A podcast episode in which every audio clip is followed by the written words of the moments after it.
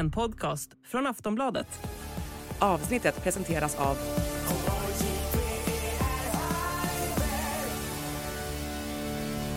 Stödlinjen.se, åldersgräns 18 år.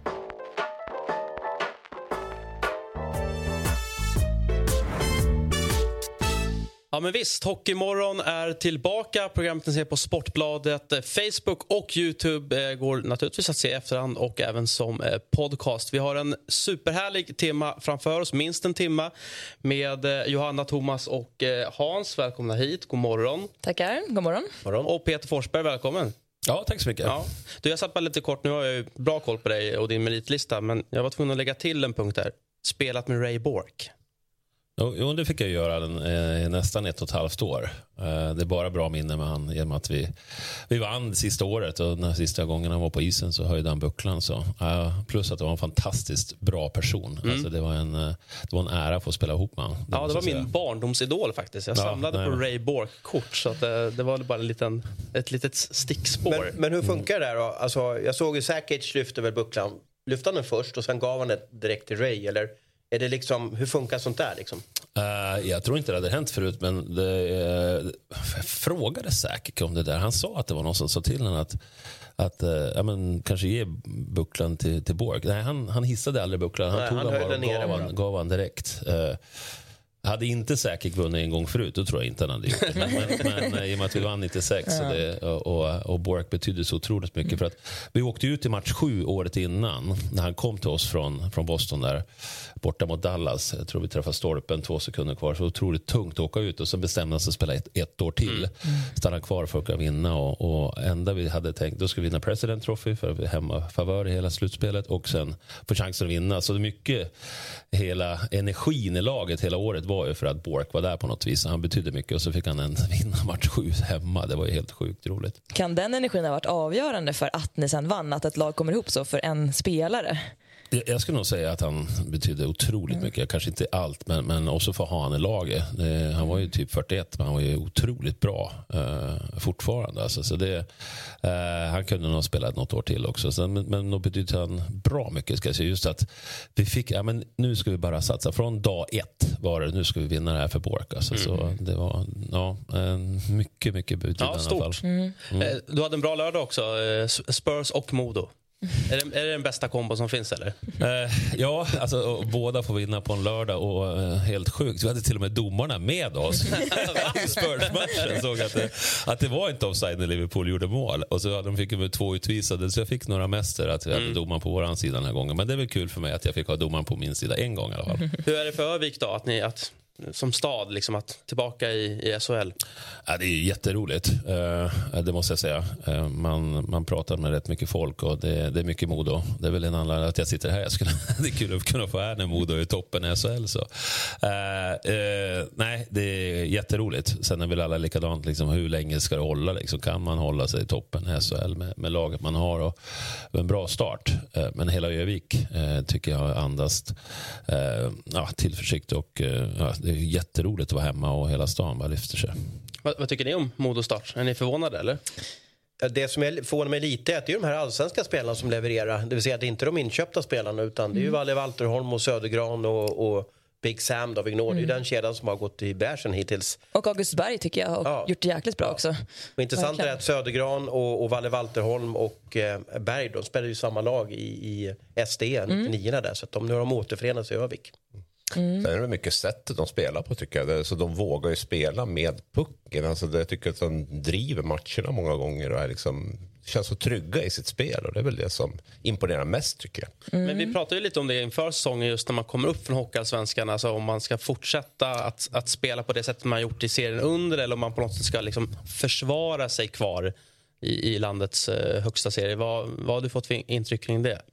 Ja, jag tror väl att det är svårt att försvara sig på något vis. För de här killarna har ju mest spelat offensivt i allsvenskan. Så kommer upp och spela ett helt annat spel. Så, sen gäller ju att de är tillräckligt bra att kunna spela offensiva spelet. Eh, sen har man lagt till några då, eh, utifrån. Men även de som, eller från allsvenska spelarna har gjort otroligt bra mm. så här långt. Eh, man var ju osäker om till exempel Bernat och Nensén skulle kunna hålla på hålla på vid back vid, vid blå linjen hela tiden som de gjorde allsvenska platsbyten. och så här. Men de har faktiskt klarat av det SHL också. Så det är bra start. Och vi ser hur länge det håller, hur länge de andra lagen, om man tittar SHL-lagen, låter dem spela så där innan de börjar läsa dem.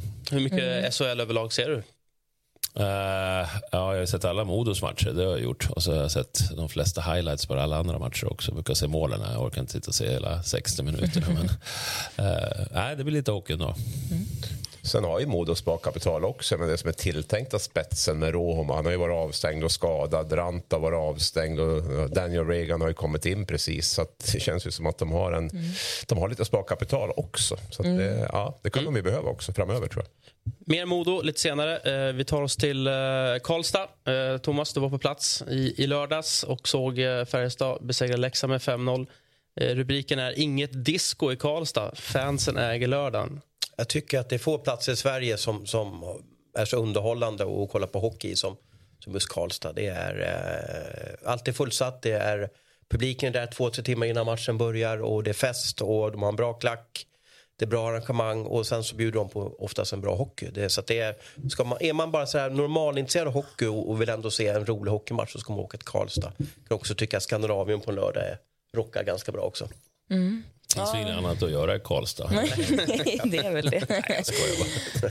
Nej, men de eh, fyra av fem mål kom i powerplay. Det tycker jag är ganska...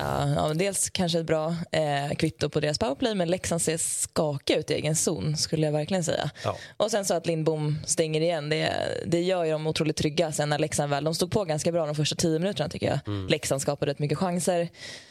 Men sen så, ja, de lyckas liksom vända på det genom bra special teams och en bra målvakt. Såg du Lindbom-tacklingen på highlights där eller? Ja, den såg jag. Ja, det, det var väl den stora snackisen. Eh, Anton Lindholm eh, fälls då för det här. Eh, får fem matcher och eh, drygt 8 000 kronor i, i böter. Innan vi diskuterar det ska vi lyssna till Magnus Nygren som sa så här om segern dels men också om den här incidenten. Ja, eh, Magnus Nygren, det här måste vara en av de roligaste lördagskvällarna på 2023 för dig. Ja, jag har inte haft så många än så länge, men eh, ja, definitivt. Men samtidigt, vi har ingen... Eh, vi har bra utdelning i powerplay, men vi gör ingen toppenmatch tycker jag. Vi, Leksand är ett bra lag, de, de jagar oss egentligen i två perioder och 3-0 är väl absolut inte rättvist efter ja, lite drygt 40 spelade. Så att, Eh, vi får kolla på video och ska försöka bli ännu bättre för att det kommer börja krävas mer, eh, mer än så här framöver. Och hur skönt var det att få göra 3-0 målet där i powerplay? Ja, men framförallt viktigt för, för powerplay att vi får leverera. Det har gått lite i stå i början här, men det, ja, det är klart. Eh, när man hänger den där så, så, känner man ju att det är alltid kul att göra mål. Så att, eh, jag behöver inte stå här och ljuga nu när man är 33 nu kan man ju faktiskt erkänna att det är kul att göra mål. Så att, eh, ruggigt skönt, en härlig lördag och viktiga poäng. Du, i tredje perioden så var det en otäck skada på Björklund. Eh, du har ju själv en hjärnskakningshistorik bakom dig. Eh, hur kände du när han föll till isen? Eh, ruggigt tråkigt. Eh, jag vet inte vad jag ska säga. Ja, det var, för mig var det lite svårt att fokusera faktiskt efter det där hände. Jag, det är en barndomsvän och jag vet hans historik och hur det såg ut i fjol. Så att, eh, jag ber till eh, högre makter att han är okej okay där inne och så då blir kvällen ännu bättre om jag får ser han i ögonen och han säger att det känns okej okay där inne, då är det en fulländad kväll. Men eh, fram tills dess så, eh, ja, ingen kul såklart. Jag ska också säga att eh, Lindholm är ingen, eh, ingen oärlig spelare. Det är en oturlig smäll, eh, den träffar oturligt. Jag har svårt att se att han gör något sånt eh, avsiktligt. Eh, jag tycker att vi pratar rätt så mycket om eh, själva smällarna i svensk hockey men inte riktigt hur det går till. Vi har haft några här på slutet som är helt oavsiktliga så att även den här skulle jag vilja säga. Och, Eh, det är en kampsport, tyvärr är oturen framme ibland så att eh, ja, nu träffade han i huvudet men jag tror inte det var med flit. Mm, eh, Magnus Nygren, det. Ja, vad, vad, säger vi dels om, om tacklingen och om straffet där? Det blir ändå ett påtagligt sådant. Ja, ja, jag vet inte om jag ska svara på det. Men jag tycker inte det ser ut som en, en avsiktlig tackling i huvudet. Det tycker mm. jag inte. Och, ja, det är otur emellanåt där de kommer sådär. Eh, jag vet inte om han vill träffa bröstet eller trycka undan honom på något sätt och så tar han i huvudet. Eh, jag gissar att det inte var meningen att tackla honom i huvudet överhuvudtaget. Så. Tråkigt. Det är ju som, som Magnus säger, liksom, det är ju en liten kampsport. Ibland händer det. Men jag såg att det var fem matcher så uh, ah, kanske lite hårt. Jag brukar, förut var jag den som ville ha många, mm. mycket avstängningar, tacklingar i huvudet. Och jag tycker ändå på något sätt, ja, det är lite hårt men det är ändå bra att man, man försöker få bort de där huvudtacklingarna. Det, så är det. Ja, för man alltså bedömer inte på avsikt. Jag tror verkligen inte heller att det var avsiktligt men jag tror att det blir mer utfall. Att så här, nu träffade den i huvudet och då så måste man vara konsekvent i liksom avstängningsbedömningen på något sätt. Men oh, det går så himla fort i hockey. Alltså, du behöver agera på en sekund. Och där är han ju först rättvänd och sen vänder han sig om efter pucken. Och då tror jag Lindholm redan har tagit ett beslut. Och sen så tror jag att han siktar på bröstet medan Björklund faller lite det framåt. Det ser inte ut att vara särskilt mycket fart tycker jag. Nej det är inte det. Men det, det där gör också liksom ont. Och speciellt när han inte tror jag, är medveten om att den kommer. Då tar det ju ännu värre. Eh, alltså Björklund. Eh, och Lindholm han gör ju ganska bra här i liksom egen zon. Han går in för att separera spelare från puck. Det är bara det att han inte har kontroll över pucken och det blir jätteolyckligt. Um, så att, jag tror att det är en olyckshändelse men jag tror att de bedömer mer på mm. utfallet än, än avsikten. Ja, och det tycker mm. jag är okej. Okay. Mm. Det, är, det, är bättre att de får längre avstängningar än kortare. Vi vill ju ha bort de där huvudtacklingarna. Mm. Det blir väl bättre, va? Det måste det ha blivit. Men, men går det att få bort huvudtacklingar då? Då får, för då får vi nästan tänka om hur hockeyn ska spelas. Jag tror inte du får gå, få bort dem helt. inte. Alltså då, då får vi bara åka och klappa varandra på isen tror jag. Det gör det inte i damhockeyn heller. Det är huvudtacklingar där med. Och vi, nu har vi fått börja tacklats i samma åkriktning och mera liksom mitt på, på banan. Men det händer ju där med. För att saker och ting går inte att kontrollera in i minsta detalj. Men jag tror att man kan få till ett konsekvenstänk kanske i fler situationer än tidigare. Så att det inte blir att så här, nu kör jag på utan att förändra mitt beteende innan jag går in i en situation. Sen kommer det alltid hända saker. Men ja. Men alltså, det är väl två saker som är lite försvårande. Dels är det en uppåtgående rörelse och sen är den ju från blindside kan mm. man säga ändå. Det är väl de två sakerna man tittar på. Sen nämner man ju domen att han attackerade av andra spelare, Björklund, vilket han inte alls är tycker jag. Utan Lindholm kommer in som... Det är Björklund som går in som trea och sen kommer Lindholm som fyra. Så mm. det stämmer ju inte alls tycker jag. Men, men, eh, nej, men det är väl klart, vi, vi kan ju inte sitta och prata om att vi vill ha bort huvudtacklingar. Då lär vi kanske straffa de här från sidan ganska hårt. Känner jag helt, håller helt med. Det är inget uppsåt överhuvudtaget i det här. Utan han, han, han vill gå in och separera spelaren från pucken. Och det är så små marginaler det här. Mm. Mm, så är det. Eh, fem matcher blev domen. Eh, vi ska ta oss vidare i Hockeymorgon. Vi har så otroligt mycket att snacka om.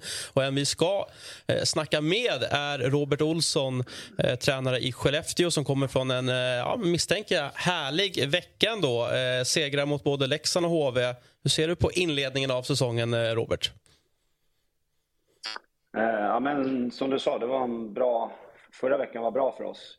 Ehm, jag tycker annars att den har varit lite upp och ner. Jag tycker att vi har blandat både bra och dåligt. Och vi bygger väl om lite också nu när Möller och Lindström och Melke Karlsson och Wingeleran är lite, lite förbi. Så det är mycket nya killar, unga killar som ska in och ta, ta ganska stora roller. Så att, ehm, ja, vi, vi är inne på en resa.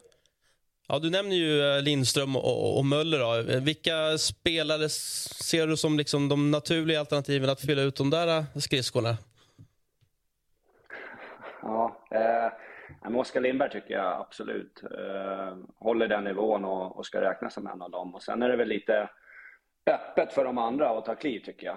Ehm, det är väl ingen lika gjuten som Oskar i, det, utan här, här finns det öppet att utvecklas och ta kliv tycker jag för oss. Och därför är jag lite inne på en resa också som, som både klubb och lag. Så att, eh, mm. Gör du någonting annorlunda nu när det är lite yngre spelare som ska gå in och ta stora roller? Hur hanterar man det som tränare? Vad, vad brukar du liksom prata med dem om på träning och inför match? Ja, men jag, jag, tycker att det är, det är mer jobb för coachen en sån här säsong än, än kanske när man har mer färdiga spelare. Det kan jag tycka att det är mer, eh, mer eh, coach, coacherna försöker utbilda och utveckla och, och så. Så att, eh, det är lite skillnad, absolut. absolut. Du, eh, hej Robert, jag tänkte fråga dig, Oskar Möller, vad kan du, vad kan du säga om, om, om läget där just nu? Är han med, träff, är han med laget på något sätt eller han hälsar på er eller hur, hur, hur är status? Nej, han är, inte med, han är inte med i laget och grabbarna. Däremot var han faktiskt var ganska kul. Han var och tittade på, på någon match här någon lördag. Så att, eh, det var väl ett steg liksom för människan Möller att liksom kunna komma ut och, och, vara, och vara bland folk. Men han är inte med i någon verksamhet eller någonting och det kommer, det kommer dröja. Jag räknar inte med Oskar den här säsongen. Så att, eh, jag är så fascinerad över unge backen då, Pelikanen, Pelika. Eh, vilket fantastiskt självförtroende han har, och både på isen och intervjuerna.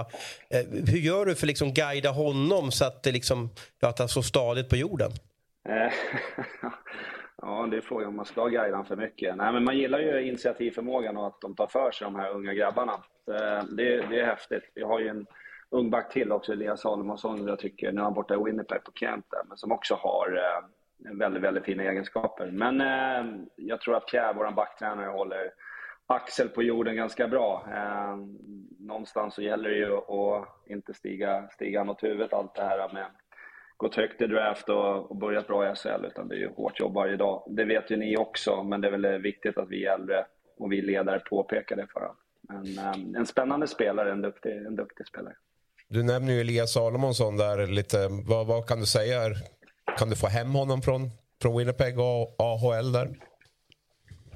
Jag vet inte riktigt hur det där blev. Jag tror att eh, de skulle ha något möte i, i natt här om Elias, eh, som jag uppfattar det. Så att jag är lite spänd när jag kommer ner på rinken här och ser vad Erik Forsell har att berätta. Eh, han är väldigt bra.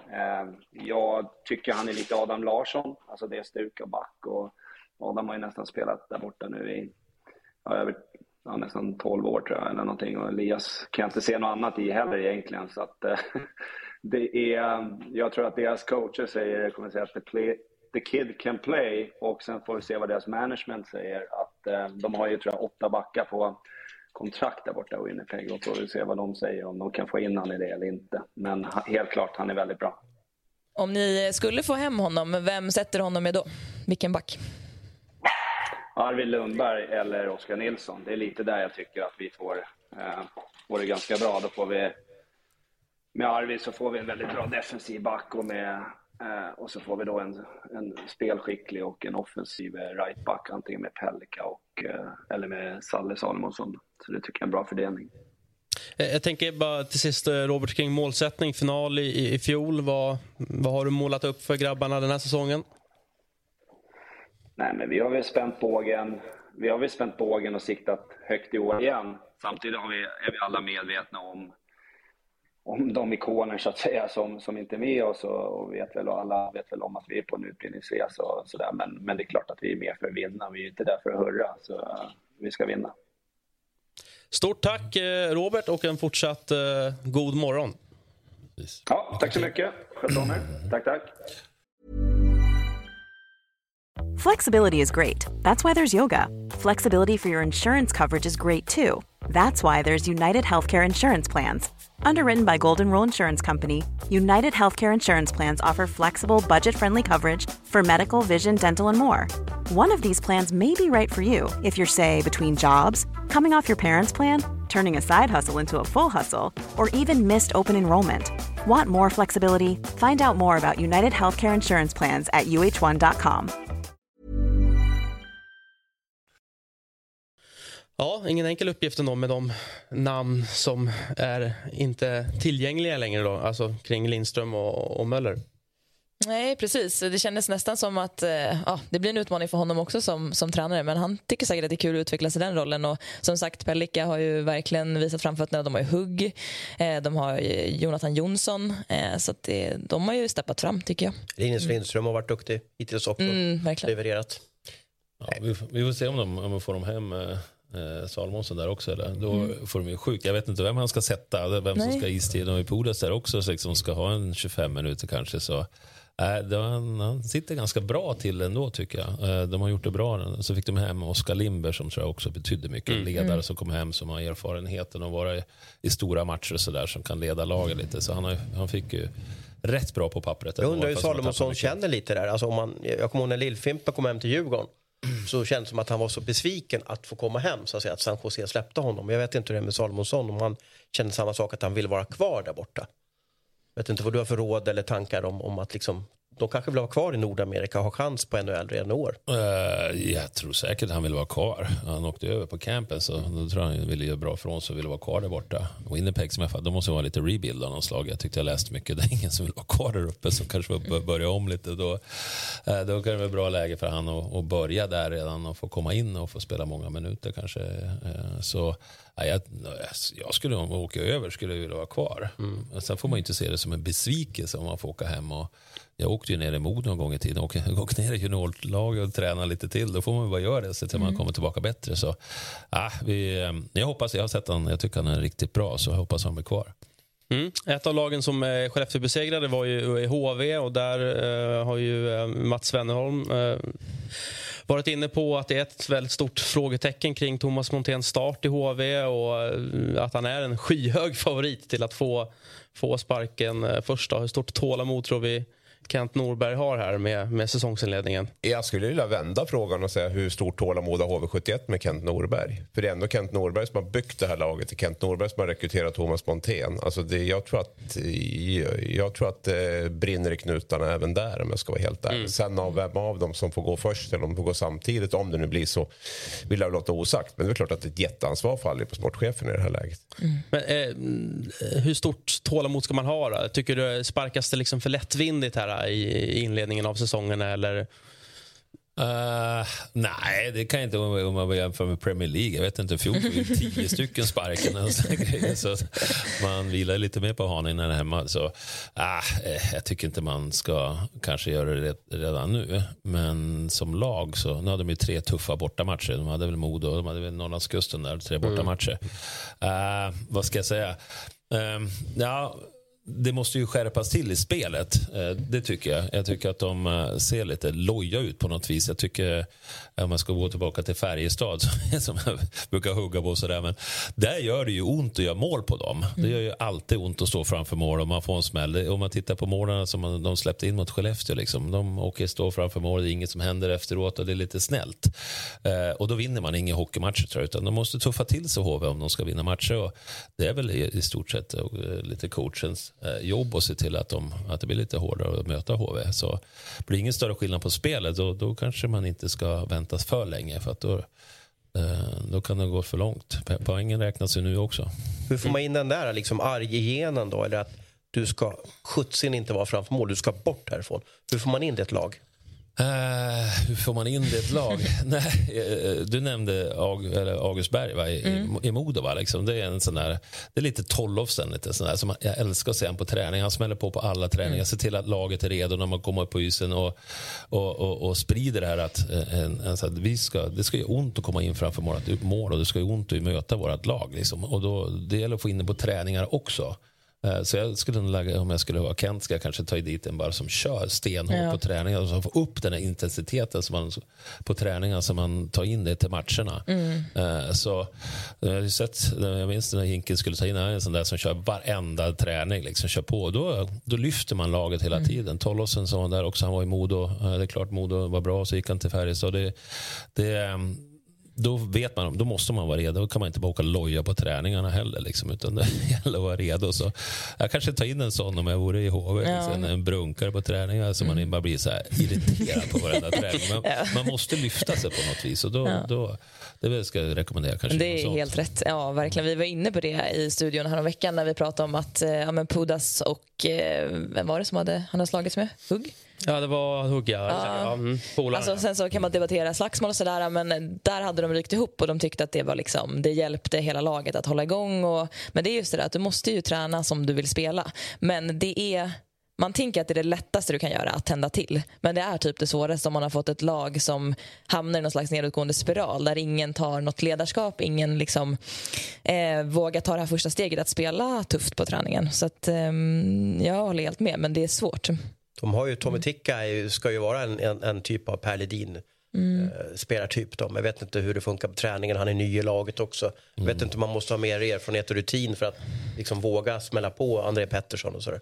Förra året hade vi typ, vi hade problem med det här i AIK och eh, då gjorde vi som interna tävlingar i slutet av varje träningspass. Så vi spelade smålagsspel bara. Men sen så hade vi samma lag, så vi uppdelade upp oss i svarta vita tröjor och sen så var det bara full match. Alltså, och det var priser och det var liksom mm.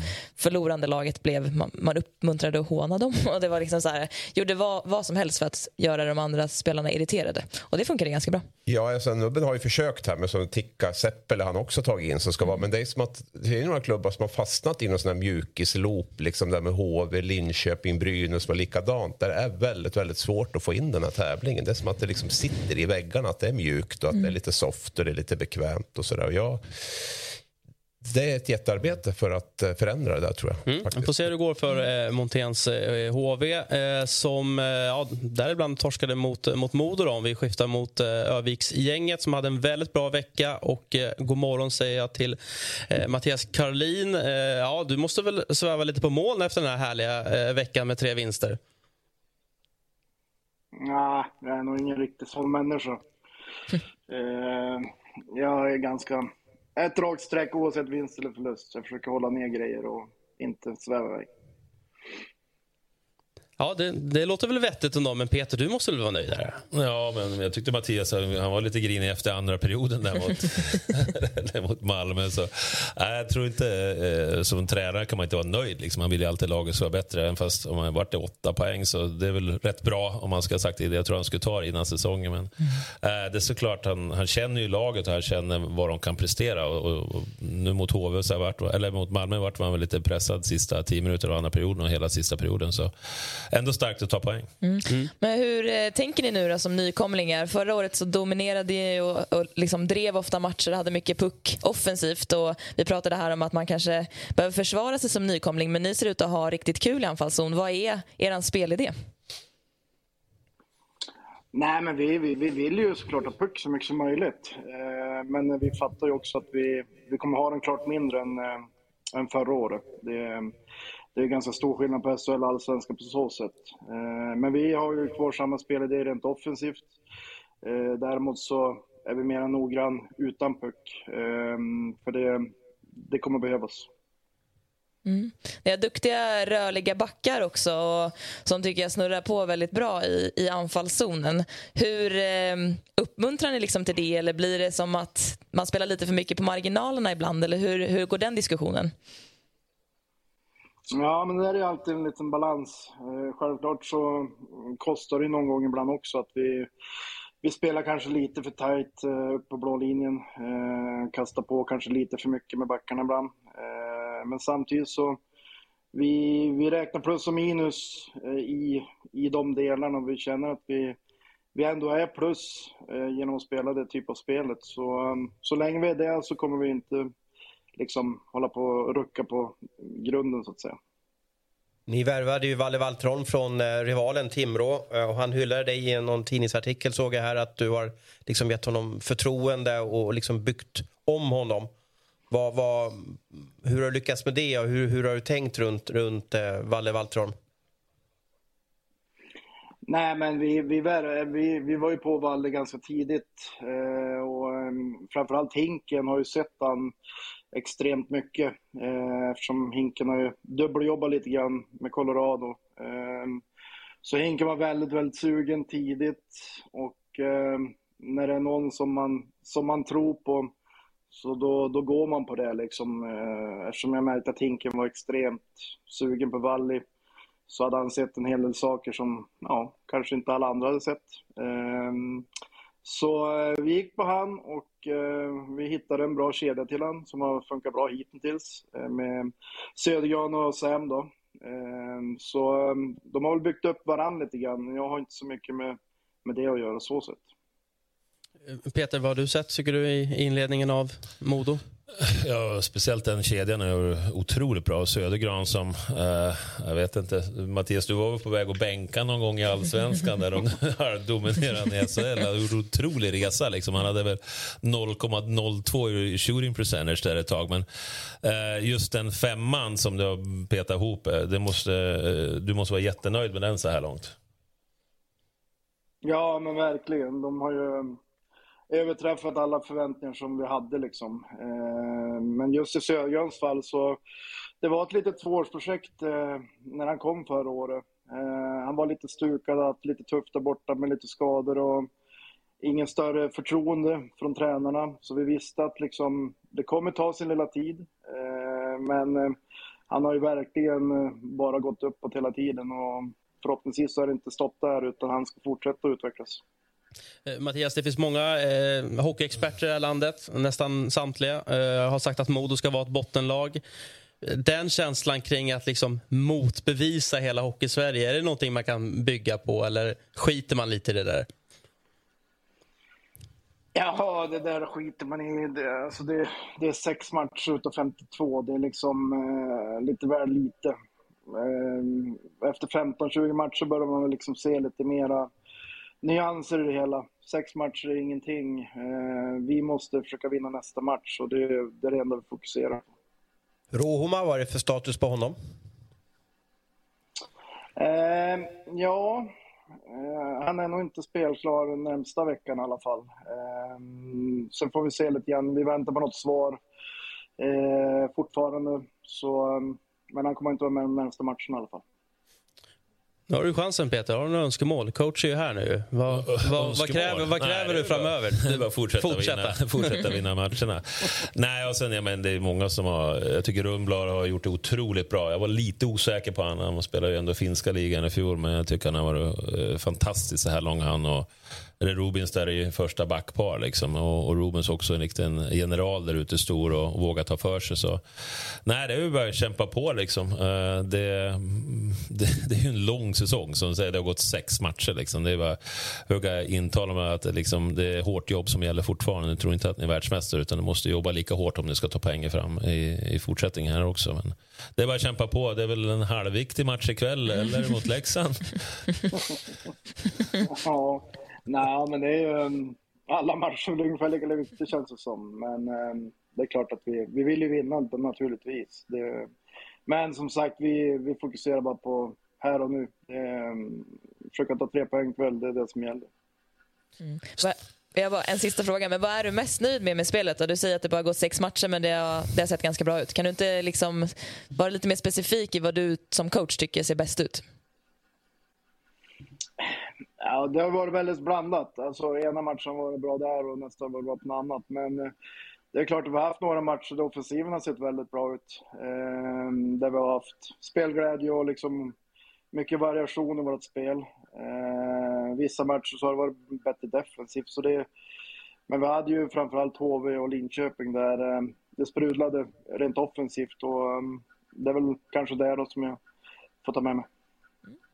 Härligt Mattias. Eh, fortsatt trevlig morgon och lycka till med eh, matchen mot Leksand. Ja, tack så mycket. Mm. Ändå lite svaga publiksiffror förra veckan. Det har blivit lite en snackis. Är det, är det lite kräset uppe i Övik eller? Mm.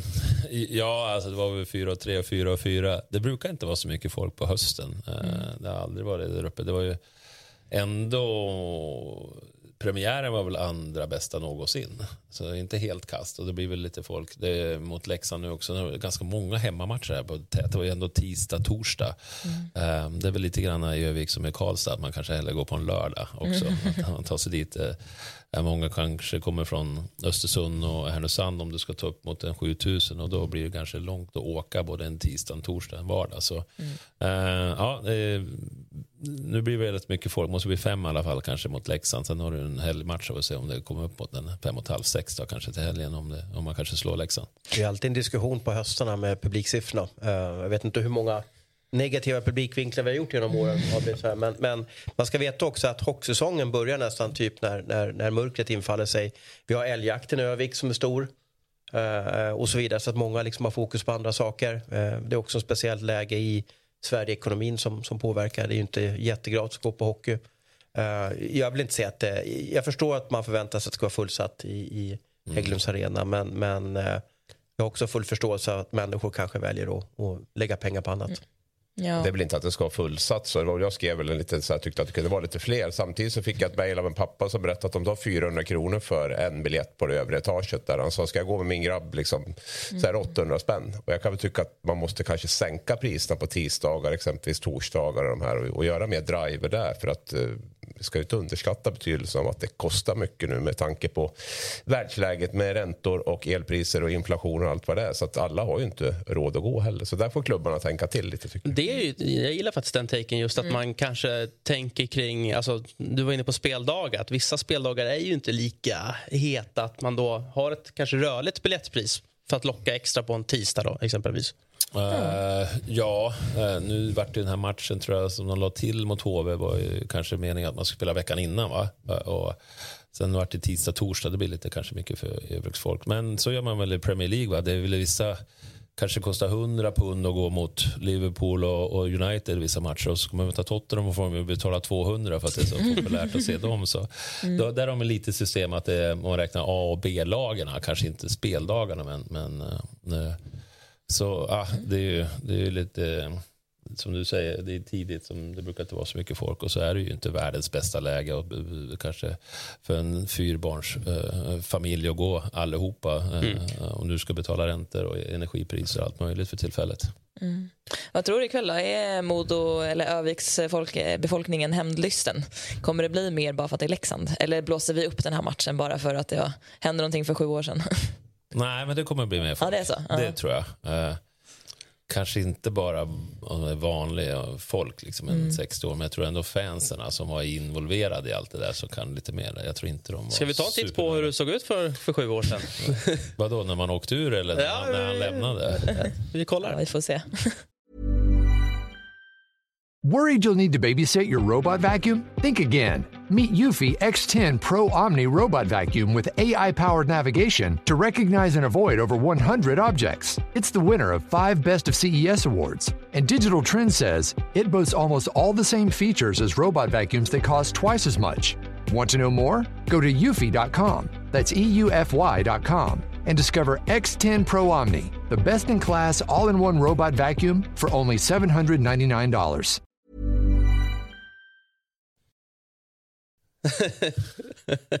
många gånger har du fått den där uppspelad för dig? Nej, inte sett den några gånger. Ja, det var ingen glad av, absolut Nej. inte. Och på något sätt hur det, hur det var också. Det var matchen, mm. Modo var helt överlägsen och sen mm. förlorar man ändå på slutet. Och, nej, ehm, det ser man, allt kan hända i hockey. Man Leksand fick in det här lilla goet i laget och det var ingen som kunde stoppa dem på något vis. Och, men det var ju mörkt sen dess. Uh, jag har inte varit i den här studion sen dess. Så nu när man är tillbaka kan man ju komma mm. visa upp. Så det, nej, det var ett tufft år. Det var ingen jag, rolig. Jag mötte dig i katakomberna där nere i arenan efteråt. Mm. Men jag valde att backa tillbaka och inte slänga fram någon mikrofon. Ja, det kanske gjorde rätt i.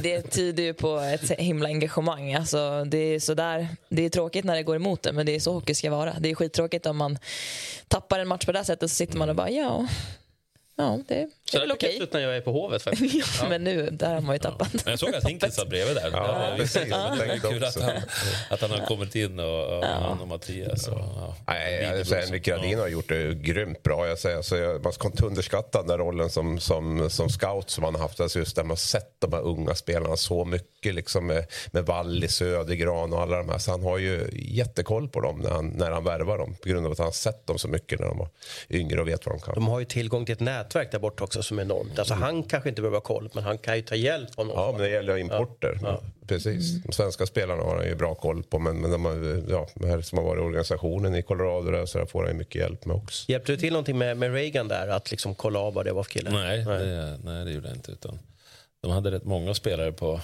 som de tittade på där. Och ja. han kom upp. Men jag fattade som att de hade varit på honom någon vecka innan och ja. de hade fått dit den. Så Nej, det är såklart som du säger, han har bra koll på, på spelarna så där också. Men den så tycker jag också att hans, nu pratar om engagemang, liksom, mm. det, han eh, pratar ju med Hinken, liksom, man får nästan lugna ner han också. Eftersom ja. bara spelar oavgjort så är han ju förbannad. Liksom.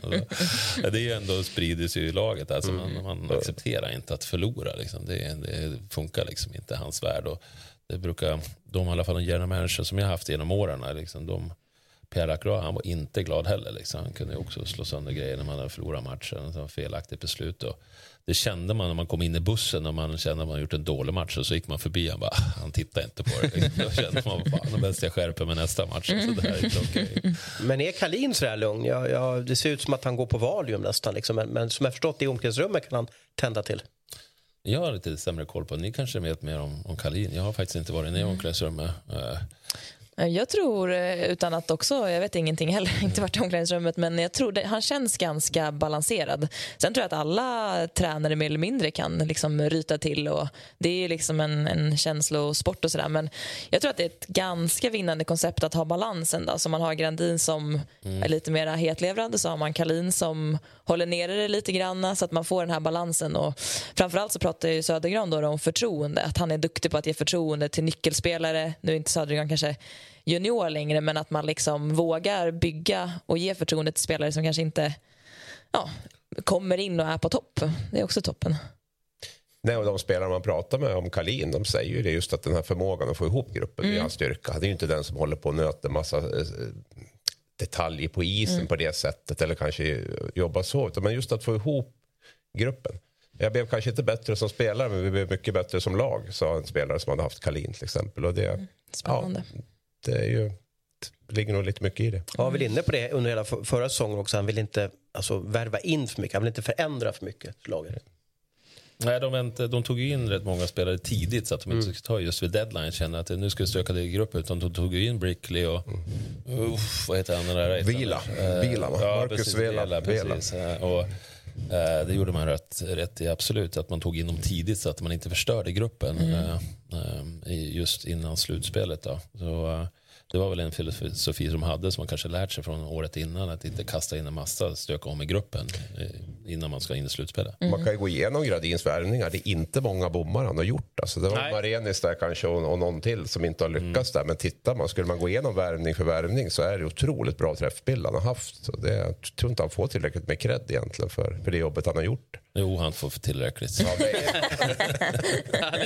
Eh, vi, vi, har lite övriga eh, rubriker också från SHL. Eh, Rögle måste vi såklart nämna med, med bröderna Abbott. Där undrar man lite hur det skulle gå till om de skulle göra en förändring på, på tränarposten med tanke på att det är tvillingbrorsan som är sportchef. Men då får man väl blicka ännu högre upp då, misstänker jag, i, i styrelserum.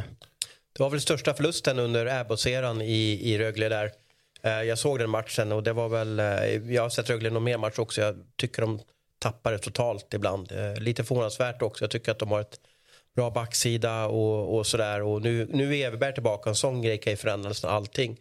Att hierarkin blir annorlunda, någon forward flyttas ner, man får möta lite lättare motstånd och, och, och så vidare. Så att det är väl lite upp till bevis nu för Rögle. Ja, det kan man lugnt säga. Bortaspelet har ju varit allt annat än bra hittills. Mm. Ja, verkligen. Ja, kör du. Nej, jag tänkte bara egentligen eh, säga att jag tyckte att det var kul att se Frölunda få igång målskyttet. Eh, även om Rögle inte såg toppen ut i, i försvarszon. Och sen så eh, såg jag att, på tal om snackisen med den här eh, vad heter det, lampan, så körde de av sina fyrverkerier. Sa ni det? På ett stolpskott. Mm. På ett stolpskott, exakt. Ja.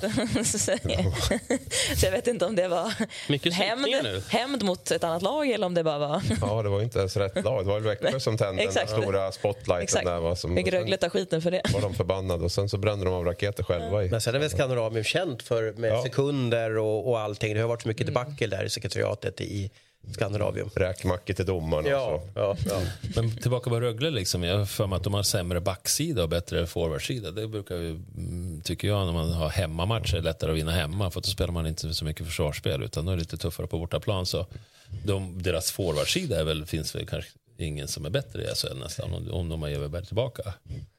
Nej, du har ju en jättepoäng där och backsidan är ju, är ju ett frågetecken. Forwardsidan har de väl en, alltså om man tittar tre första kedjorna så är det nog få mm. lag i SHL som, som slår dem. Varken i lönekuvert eller i, i ja, meriter om man säger så. Men, men det är återigen, du måste ju tävla också där ute på isen. Det är väl det jag saknar mest tycker jag på borta is med Rögle, de matcher jag har sett. Jag tycker det, de måste lägga in betydligt mer liksom i, i, i det för att uh, kunna vinna matcher på bortaplan. Och det känns inte som de är beredda att göra det. Och jag vet inte vad det är riktigt som, som skaver. Om det är Abbotts ledarstil som har kommit till vägs ände eller om det är spelsystem. Man har ändrat en del i det som gör att man inte åker och funderar lite för mycket där ute. Eller vad det är. Jag, jag har svårt att sätta fingret på det, men bra ser det inte ut i alla fall.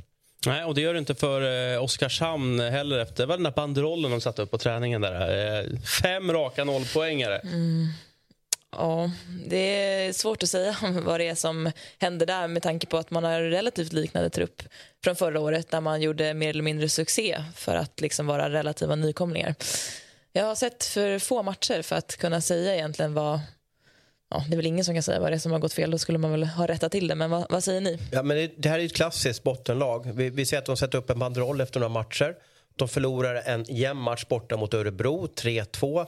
Eh, eh, de går från att ha varit väldigt bra förra året och flera år i rad till att liksom få kritik hemma. Mm. Allting går emot dem. Eh, nu läste jag någonstans att bygg inte en ny arena bör de prata om för att de blir rädda för att åka ut. Det känns som att med alla de ingredienserna som du kanske varit med om i Gävle under många år att nu händer allt mot Oskarshamn. Och då är det svårt att ta sig ur det där oavsett vad spelarna gör på isen. Sen så funderar jag, vi har ju liksom Jonas Engström som har varit kapten där i sju säsonger. Det har ju varit en framgångssaga måste man ändå säga med Oskarshamns mått mätt. Man har tagit steget upp, man har varit med och nästan gått till semifinal. Sen tar man bort honom nu, Oskar Engström kommer in. Och det är väl egentligen ingen med, eh, Engström är ju en fjärdekedjespelare och det, det brukar vara ett problem. Men vi har Erik Josefsson i Växjö som har lite samma roll och har gjort det bra där. Så att eh, jag tror inte det är helt okomplicerat. Om man säger så. För Engström var dessutom inte speciellt nöjd med det här. Det är en sak om han hade sagt köpte fullt ut så det var en sak. Men han var ju rejält missnöjd med mm. det här. Mm. Och jag, jag vet inte om det laget riktigt går i takt där om jag ska vara helt Men alltså, kan man ha en, en, kapten som ändå är så långt ner i, i kedjehierarkin då?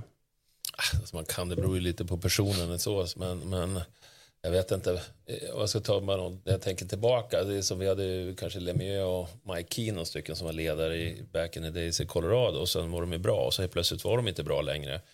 Man lyssnar ju inte lika mycket på dem när de sitter på fjärde kedjan som, eller just på väg ut mm. ur laget som när de var ledande i andra kedjan och slogs och bråkade varenda match och gjorde poäng. Så eh, någonstans kommer det kanske till vägs ände när man är kapten. Men eh, jag tror ändå inte det är bra att peta någon som vill vara kapten om du säger så. Det brukar mm. inte vara något bra tecken. Ja, eller vara så populär i resten av, av gruppen ja, också. Och ja, och just med det, alltså, man kan ju säga vad man vill men alltså, de har gått väldigt, väldigt bra Oskarshamn under de här åren. Och, mm. måste man ändå ta med. Så jag, jag håller helt med. Det är inte alls optimalt en, fjärde kedja, alltså en kapten i fjärde kedjan. Det är det inte. Men, men eh, men i det här fallet har det ju bevisligen fungerat. Ja. Växjös fall har det fungerat. Det var Markusson först, det var Josefsson sen. Så det, inte, det kan gå. Och, men men ja. måste säga en fjärde kedja, så det, liksom, det kan vara en fjärde kedja och brunka och stöka och alltid vara en fjärde kedja. Sen kan det ju vara bra att hamna i en fjärde kedja. Då tror jag det blir svårare att sätta dit Exakt. en mm. sån kapten. För att han kanske inte är supernöjd. Men mm.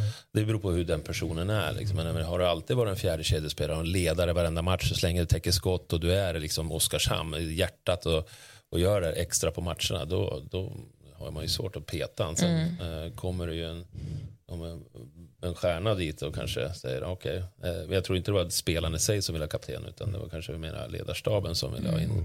Jag vet mm. inte, jag visste inte om ja, det. det jag, jag, jag, kan ju förstå liksom att man vill ha in en ledande spelare som kapten. Han skrev sexårskontrakt, kom hem till moderklubben och så, här, så jag förstår ju liksom tanken runt det. Men nu är väl det här bara en del i Oskarshamns. Men jag tror inte att det underlättar med tanke på den tuffa start de har fått. För då kan man verkligen säga att det var bättre förr. Ja, man hade ju kunnat ta honom som ass eh, liksom första eller andra säsongen och liksom låtit honom växa in i någon ledarroll. Alltså, det finns ju massa olika sätt att göra det på. Men jag tror precis att det är som du säger Peter, att har man en kapten i fjärdelinan som accepterar sin roll och är en duktig boxplayspelare och dödar liksom motståndarlagets första kedja gång på gång på gång, då funkar det utmärkt. Men är det någon som inte accepterar sin roll och bara vill liksom komma upp i första linan eller andra linan, men då, då kanske inte lika, lika bra. Jag tänker på Martin Karlsson i Leksand som var kapten i många, eller ett par säsonger i alla fall, och var ju i färdlinan hela tiden. Men jag tror att han hade ganska bra respekt eh, i laget och ledde laget på ett bra sätt. Jag kan gissa att Oskarshamn vill göra en förändring lite som Frölunda gjorde. Mm. Byta kapten när Joel slutade och så vidare. Då. Men, men de har inte riktigt fått upp det ännu. Hur viktig är en kapten då? Jo, det tycker jag att de är. Liksom. Det är väl olika olika lag. Liksom, har du tio halvledare bakom då kanske du inte behöver någon jättekapten. Men, men uh, ibland är det, alltså, när det blåser lite, det är ju bra att ha en som står där och våga ta skiten och liksom gå i bräschen på isen och göra det lilla extra för att se till att man kommer tillbaka och våga säga åt spelare i omklädningsrummet liksom, du är inte tillräckligt bra, du får faktiskt skärpa till sig eller se till att de sköter sig på sidan om och lite sådana här grejer. Det är, jag tror ändå att det är inte bara kaptenen, du assisterande och det hela ledarstaben. Men självklart är det väl bra att ha en bra kapten. Eh, det är inte A och O, det kan jag inte säga till alla lag. Det är olika viktigt i, i ja, hur bra man har satt ihop laget på något sätt. Har du någon favorit från från dina år? Som jag hade ju egentligen Säkik mest hela tiden där borta. Eh, sen hade jag ju Sundin i landslaget och det var ju svårt att ha någon bättre tycker jag. Eh, det var ju en som verkligen glödde för att spela i svenska landslaget och ville vinna varenda match. Och det var ju svårt att ha någon bättre än han. Var de kravställande och, och låg på de som inte liksom gav järnet? Ja, men absolut. Uh, så var det. Um, ja, uh, alltså, Sudden visste man ju, liksom, det var inte, det var inte okej okay att inte ta i och inte spela för järnet för, för, för Sverige. Då. Men säkert var, om man tittar på honom, man tycker man ser, han säger inte speciellt mycket back in the days, men han var inte blyg att säga till folk. Och när man, jag tror ändå att alla som visste när man kommer till Colorado var man där för att vinna hockeymatcher. Och det var inte bara han, vi hade ju Lemieux, Rob, Bork, Blake, Foot, alla skällde på dem om du inte tog i. Så. Eh, det var säkert fick ju inte hjälp av Ra. Han var inte glad om han inte tog i. Han fick man ju utskällningar om han inte tog i. Slog han sönder tv-rum, Ra? Ja, men det var ju inte bara för att det var ingen som tog i. Det var bara för att han inte fick en win för att de bytte ut. Uh, om jag ska ta hela Det var att vi ledde med 3-2 tror jag. Och så hade vi powerplay 5 mot 4 i kanske en minut. Och då tog Hartley tror jag, då bytte han målvakt just där för att vi skulle vila första kedjan så att vi skulle spela sista uh, minuten 5 mot 3. Och då gjorde vi 4-2. Och sen gjorde Anaheim 4-3 på slutet och då är det den som har stått när det blev fjärde målet som får winnen. Och vi vann med 4-3 men Ra tappade ju sin win. Uh, men han var helt professionell på isen men sen gick han bara rakt igenom omklädningsrummet efteråt och sa några välvalda ord till Hartley liksom att du, sådana här taktiska grejer för att jag ska, för att Ra ville ju gå om Brodeur i antal, antal wins. Liksom. De hade ju, så det var ganska viktigt för att han inte skulle, det där gör du inte om, du får gärna ta time-out eller säga, men du byter inte ut mig igen. Jag tror att Hartley inte gjorde om det där. Hur gick det med de här tv-monitorerna då? Nej, jag ska inte gå in om de var paj, men det var ingen, det var inte 80-tummare så jag kan inte tänka mig att de var inte så, så dyra kanske. Ja, eh, på tal om gamla eh, NHL-målvakter. Eh, Johan Hedbergs succé fortsätter då i, i Örebro. Eh, alltså så här, förut väldigt mycket av lite är på något sätt det man tänker kring Örebro här. Ja, det är väl jag som sagt det tror jag. Men, nej, men det känns ju som ett det är fyra jämna kedjor. Det är inget speciellt, liksom, det är inget flashigt, det är inget glamour. Men, det, men de, de är otroligt noggranna i det de gör. Och de har jobbat väldigt länge, under flera år nu med samma ledarstab. Nu har visserligen Johan kommit in nu, då, men Nyman är kvar, Niklas Eriksson sportchef. Och så. Man märker att de har ett väldigt, väldigt väl inarbetat system där man liksom gör små, små korrigeringar för varje säsong och där det bara blir mer och mer kliniskt. Det är ju lite Växjö, fast ändå inte om ni förstår vad jag menar. Så de, mm. de ligger väldigt, väldigt rätt i banan. Worried you'll need to babysit your robot vacuum? Think again. Meet Eufy X10 Pro Omni Robot Vacuum with AI powered navigation to recognize and avoid over 100 objects. It's the winner of five Best of CES awards. And Digital Trend says it boasts almost all the same features as robot vacuums that cost twice as much. Want to know more? Go to eufy.com. That's EUFY.com and discover X10 Pro Omni, the best in class all in one robot vacuum for only $799. Har du spelat med, med Hedberg? Ja, vi vann väl ett eh, VM-guld tillsammans. Va? 98 var han ju med som som målvakt. Nej, det kommer jag ihåg. Vi stod uppe genom limousintaket där när vi hade VM-guld och väl till Café Opera. Så. Har vi några bilder på det? Lasse Andrell sa att han sprang omkring med suspen på huvudet. Där, ja, det, det var, då, då, då, hade jag, då hade jag gått hem. Precis. Nej, ja, jag har hängt lite med Johan. Vi är ju lika gamla tänkte jag säga. Vi måste, spela, vi måste spela ihop i Men, back in the days. Sved lite extra på under NHL-tiden om du förnedrade någon svensk målvakt? Uh, Tänker man så? Liksom? Ja, Henke alltså var roligt att göra mål på såklart. Ja. uh, jag vet inte hur många matcher jag spelade mot Hedberg egentligen, så där, man kommer, kommer ihåg. Ja, men det finns ju en uh, drös av svenska målvakter ja. under din tid i NHL. tänker jag. Jo, var det så här, jag ska låta han vara lite extra kanske. Alltså, jag behöver inte liksom tunnla honom kanske. Ja, Salo ville man ju tunnla. det kände jag ganska väl. Så, uh, Henke var inte lätt. Gjorde man ju mål på Henke då visste man att man gjort någonting bra i alla fall. Uh, nej, det, det, var lite mer roligt att göra mål på de svenska målvakterna. Det, gjorde, det, det, var, det kan jag inte säga någonting om. Det blev nästan tvärtom då. Mm. Uh, upplever du att, eller upplevde du att du hann tänka mycket när du liksom hade målchanser vem det var som stod? Eller kände du att du bara gjorde din grej?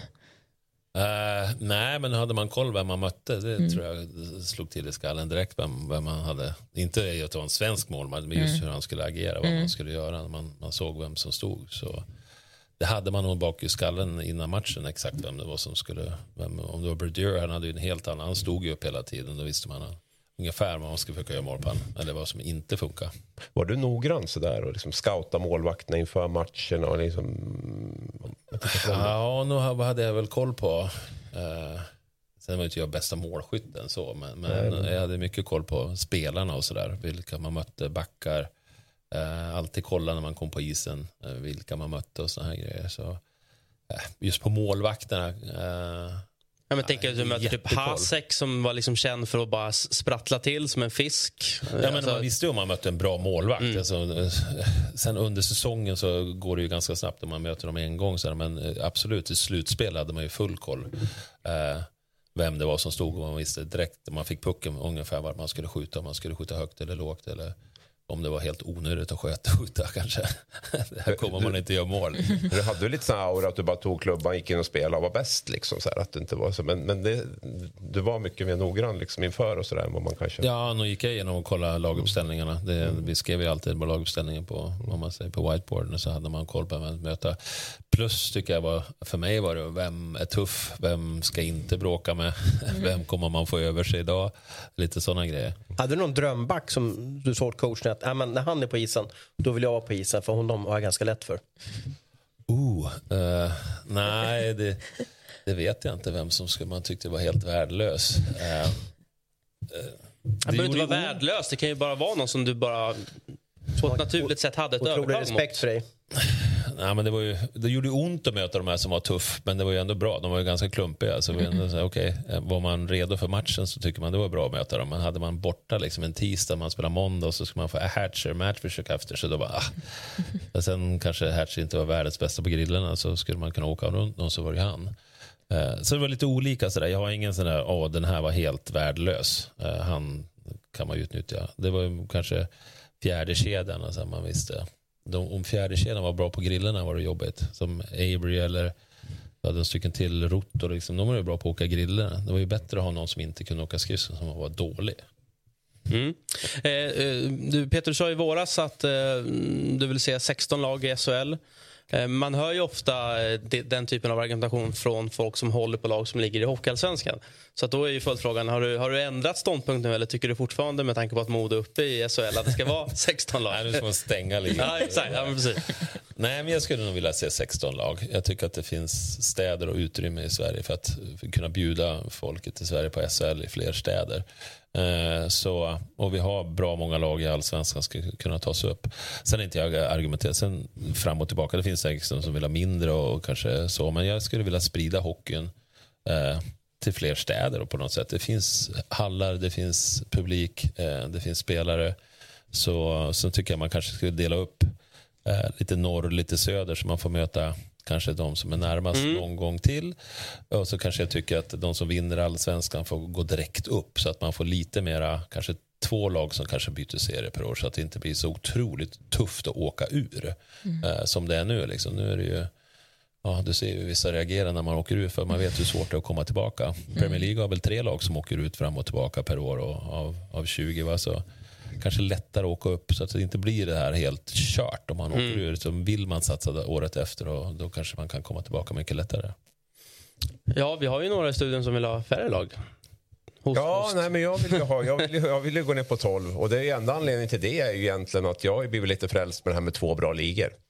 Eh, det är ju ett smörgåsbord för oss eh, hockeyjournalister att det finns, liksom nästan, det finns två serier nu att välja vilka man vill åka ut på matcher på egentligen. Och skulle man gå upp på 16 i SHL så är jag rädd för att allsvenskan blir svagare och eh, tappar sin lyster. Och jag tycker att skulle, skulle man vara 12 i båda ligorna så skulle det vara 24 elitlag i Sverige och det tycker jag att det finns. Det innebär att man får ta bort fyra lag från hockeyallsvenskan. Men jag tycker har man inte råd att betala lön 12 månader om året som vissa klubbar har, inte har i Hockeyallsvenskan, då tycker jag inte heller man ska vara på elitnivå. Utan jag, jag tror att vi har det är ganska lagom med 24 elitlag. Jag tycker det har förändrats mycket de sista åren. Att det är så många lag i Hockeyallsvenskan som har förbättrat sina arenor. Man, man har riktiga trupper som verkligen kan utmana med plats i högsta ligan. Så att, och, och ser vi över tid så har vi gått från 10 till 12 till 14. Så jag tycker väl att det låter ganska sunt att vi ska kika mot, mot fler lag i SHL. Men tycker, tror du inte att det är en risk liksom att vi, att Nej, men kolla Nybro då. Djurgården Kolla, kolla från- Nybro då. De kommer ju upp och nu gör det bra i Hockeyallsvenskan. Det finns ju några guldkorn i Hockeyettan som kan gå upp och leverera i Hockeyallsvenskan också. Och så kan man se till att, eller se till att i alla fall att Björklöven, eh, Brynäs, Djurgården, Södertälje, Västerås att de får chansen att ta sig upp på allvar. Nu är det ett lag som ja, går upp varje år då, men, men det är tufft för kanske Södertälje som har otroligt passionerade hockeyfans och det, det är en historik som är enorm att det är ju nästan omöjligt men, för dem Men just det här som att du var inne på det Peter, jag sa det för några program eh, sen, att det här att man kan komma dyngsist i en serie och ändå ha en räddningsplanka kvar. Det tycker jag är alltså det som talar emot mest med, med hockeyns system. Som de är, känns som att de är väldigt så konservativa kring just att man ska åka ur och gå upp. Att det, det är för svårt att gå upp, vinna Hockeyallsvenskan. Du vinner serien, du ska gå upp, punkt slut. Och du ska ersätta laget som är jumbo i SHL. Sen utöver det, då, där kan man utveckla med... Ja, men, jag älskade ju gamla kvalserien exempelvis. Mm. Eh, jag tyckte att eh, den hockeyallsvenska finalen var, den var hetare, roligare att titta på än SHL-finalspelet i fjol. Eh, så att just det här med, med elitidrott, att, att bli jumbo, måste, det måste finnas en konsekvens. Och den konsekvensen är att man åker ur. Mm. Direkt. Mm, ja, men jag håller med och liksom flyttar upp ett lag. Då. Sen så tror jag att vi måste försöka utveckla Hockeyallsvenskans ekonomi på något sätt. Jag vet faktiskt inte hur det ser ut. Så här, har man, får man för lite pengar eh, sett till tittarsiffror? Eh, är produkten värd mer än vad de får? För det pratas hela tiden om att SHL får för stor del av kakan. Men sen så pratar man också hela tiden om att eh, om du inte har en produkt som någon vill se, till exempel som man pratar kring damhockey, då får man liksom inga pengar heller. Så att jag vet inte riktigt om eh, det kanske skulle gå att lösa då en mer attraktiv produkt om man får mer pengar. Men är man den produkten? Men, men det är en ren och skär förhandling. Eh, Hockeyallsvenskan har inte lyckats få till ett bättre avtal än de har idag. Jag tror får 4, 5 eller 6 miljoner per lag i, i eh, centrala intäkter mm. eh, jämfört då med SHL som kanske är uppe i 45 miljoner, kanske snart 50 miljoner. Men det är ju en ren och skär förhandling som de har gjort. De har inte lyckats sälja och det kanske inte finns för många köpare på marknaden heller Nej. 2023 som, som världsläget är. Mm. Så att det är ju egentligen det är ju marknadsekonomi som styr just nu. Mm. Ja, exakt. Och därför tänker jag att, alltså, precis som du säger, att SHL är en så otroligt bra produkt. Att man får fler lag i fler städer som får ta del av den här kakan och utveckla sin, sin organisation. Och, och sen så, så får vi liksom en bättre högsta liga i hockeyn eh, på sikt. Eh, och också då möjlighet för Hockeyallsvenska lag att gå upp genom direktuppflyttning. Eh, det kanske är för mig är det ett, ett absolut ett bra alternativ. Mm. Mm. Vi har tagit fram ett alternativ till faktiskt. Mm. Uh, vi har petat in några lag ytterligare. 18 lag har vi tagit i SHL. Uh, och sen delat in då i, i norr och uh, söder. Det är klart, det kan ju bli lite orättvist för exempelvis då de, de ja, här, Örebro ska de spela i norrserien. Då det blir många, mm. många tuffa resor. Men det här skulle kunna vara en variant med ja, att man möter då eh, lagen i, i respektive då norr eller söderdivision lite oftare. Då. Intressant att Leksand ska börja spela hemmamatchen uppe i Idre också, ser jag här då på bilden också. Ja, inte jag som har gjort eh, kartan. eh, men jag, jag hör dig när jag ser kartan nu att det, det, det ser lite malplacerat ut. Helt klart. Det, det, var, det finns nog en, en vettig grafisk anledning. Gratis skidåkning där uppe. För er som inte ser så har vi alltså satt Leksand typ i Norge. Du har tagit upp Djurgården och flyttat in till AIK ser jag. Liksom. Nej, och det betyder att jag inte har gjort den här grafiken. Nej, samma här. Men skulle det här kunna vara en variant? Vi, vi såg ju för några år sedan de här, eh, det var väl derbypooler kallades det för va? Och det var väl inte helt eh, välkommet av alla? Det här, det här är en jättestor förändring om vi lyckas nå hit. Um, idrottsrörelsen i Sverige brukar vara lite rädd för förändringar. Uh, så att når vi hit så då kommer det diskuteras fram och tillbaka i all evighet om det här var bra eller inte.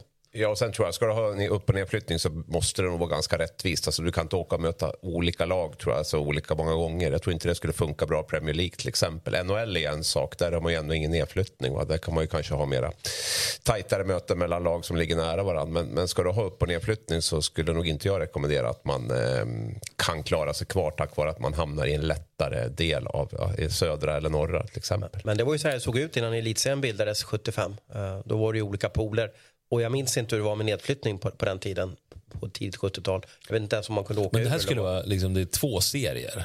Du skulle inte liksom lägga ihop en tabell. Utan jo, nej, det, det jag, nej, jag tolkar det som att det är en tabell bara att man, man hamnar i norr eller söder och får möta de lagen lite oftare. Ja. Ja. NHL-stuk kan man säga. Då. Ja. ja, men NHL hade ju tag. Hade vi, jag tror vi mötte, om man säger inom divisionen, sex gånger eller åtta gånger. Eller såna här grejer. Och sen ändrade de ju det man kom ner på i alla fall kanske fem istället för fyra. Det var ingen jätteskillnad. Nej. Eh, men, men man fick kanske en match till mot de värsta rivalerna. Ja. Inte som det var ett tag där som man säger, man mötte Detroit åtta gånger en säsong. Helt, man tyckte man sov på samma hotell hela tiden. Så då, då blir fansen lite less. Men bara en liten twist att man möter kanske, ja, Modo möter om man säger Björklöven någon gång till eller mm. Timrå. Då.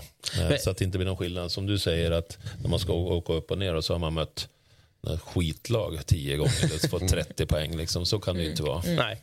Eh, eh, du nämnde i den där artikeln när du ville utöka SHL, mm. alltså tre lag ska åka ur. Hur ser du kring det? Ska det vara direkt nedflyttning eller ska det finnas någon form av jag tror kvalspel jag, jag också? Jag vet inte om någon skriver fel där, att jag sa tre lag skulle åka ur. Det vet jag inte. Jag tycker kanske ett lag, om det är 16 ska ett lag åka ur direkt eh, och sen kanske man spelar som en, om man säger tvåan till nian får spela som de gör nu kanske. Och ett av dem går upp och så går, får någonstans kanske är det lag 15 och 14 då får mötas i en kval och kanske från SHL och ett.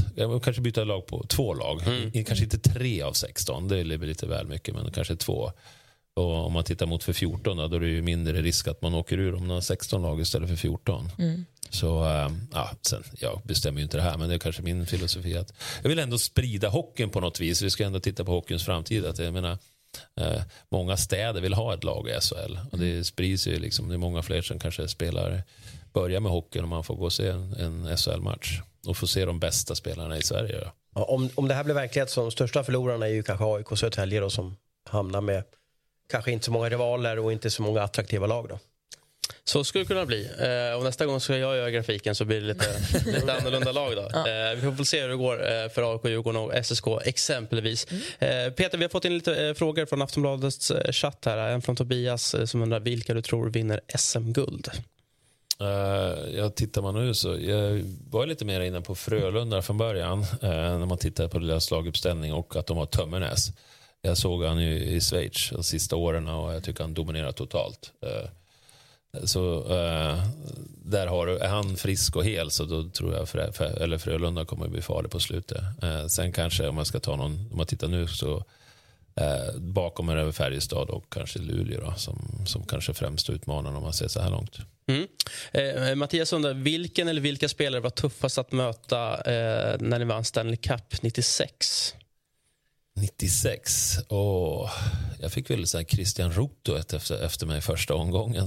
Han punktparkerade mig tror jag från Vancouver där. Um, sen hade vi väl, vi måste ha haft Detroit i semifinalen. Konstantino var väl eh, på den tiden både fysisk och, och, och bra. Va? Eh, så jag ska nog säga Konstantino, den, fast vi slog dem eh, med, med 4-2.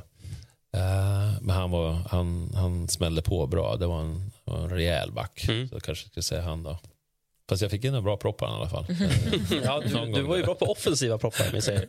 jag fick köra över honom, jag tror första matchen borta. Där. Jag tänkte nu ska jag satsa rejält på honom. Att visa att vi inte är rädda för honom. Ja, så, uh, jag såg att Crawford tog upp det där någon gång. Att uh, liksom en, andra årskille liksom, för att köra över deras bästa back. Liksom. Det, var, det betyder mycket för laget. Så, nej, jag fick det. Men eh, det var en rörlig och tuff back. Mm.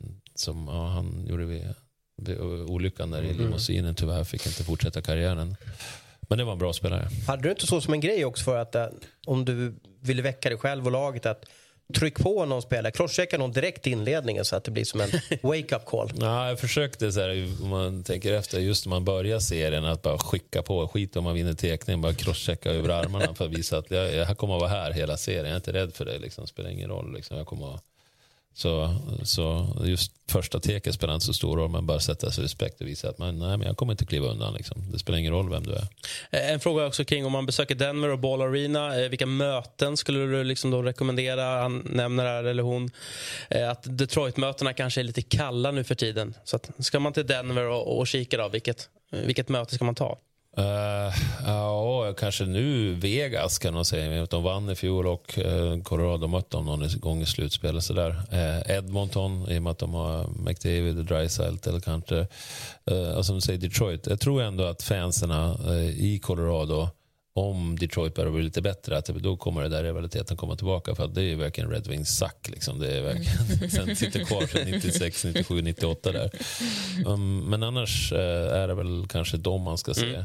Uh, så här rakt upp och ner.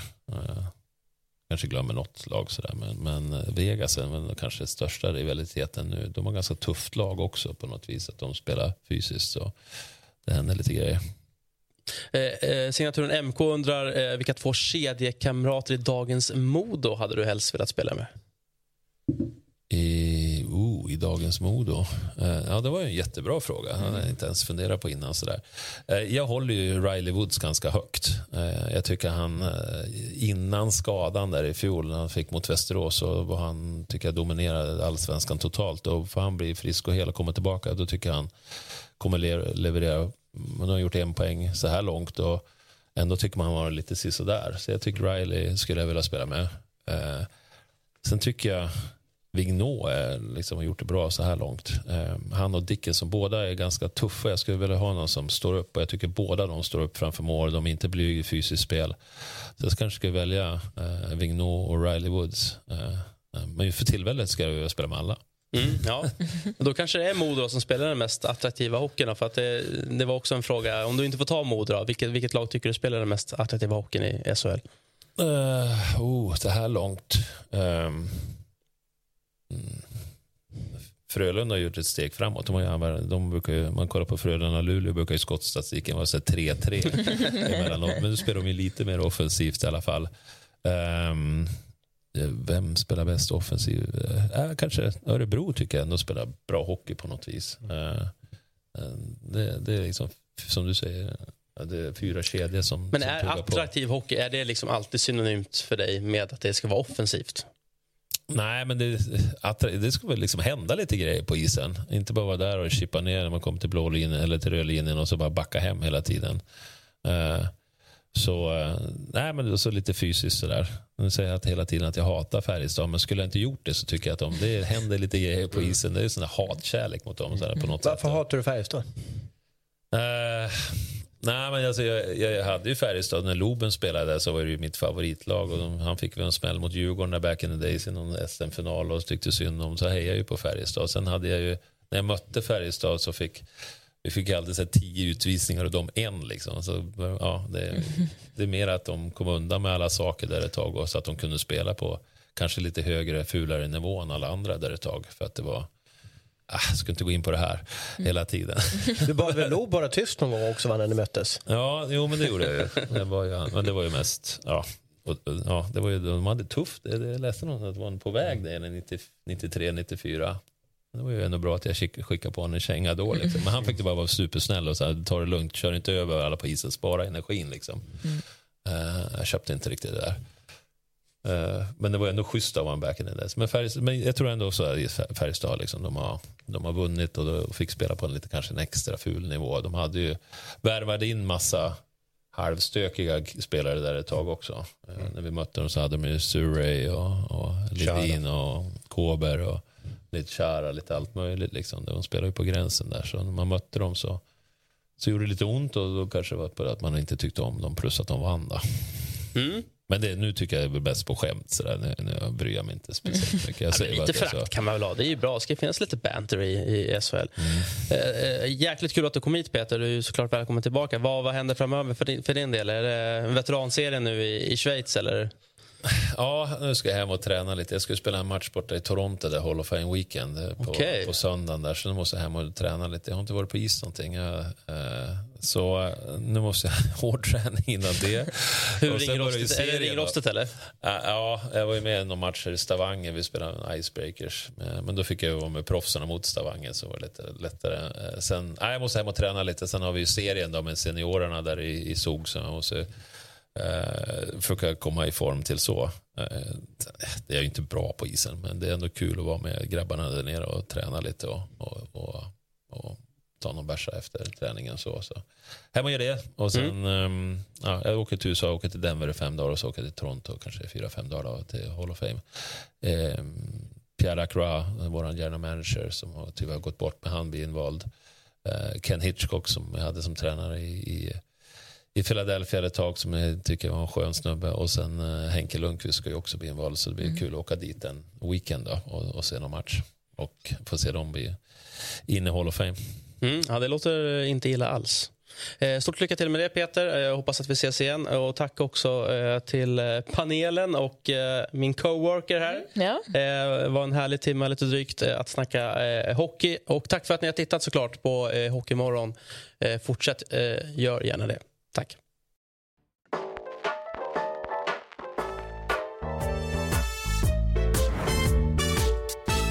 Du har lyssnat på en podcast från Aftonbladet.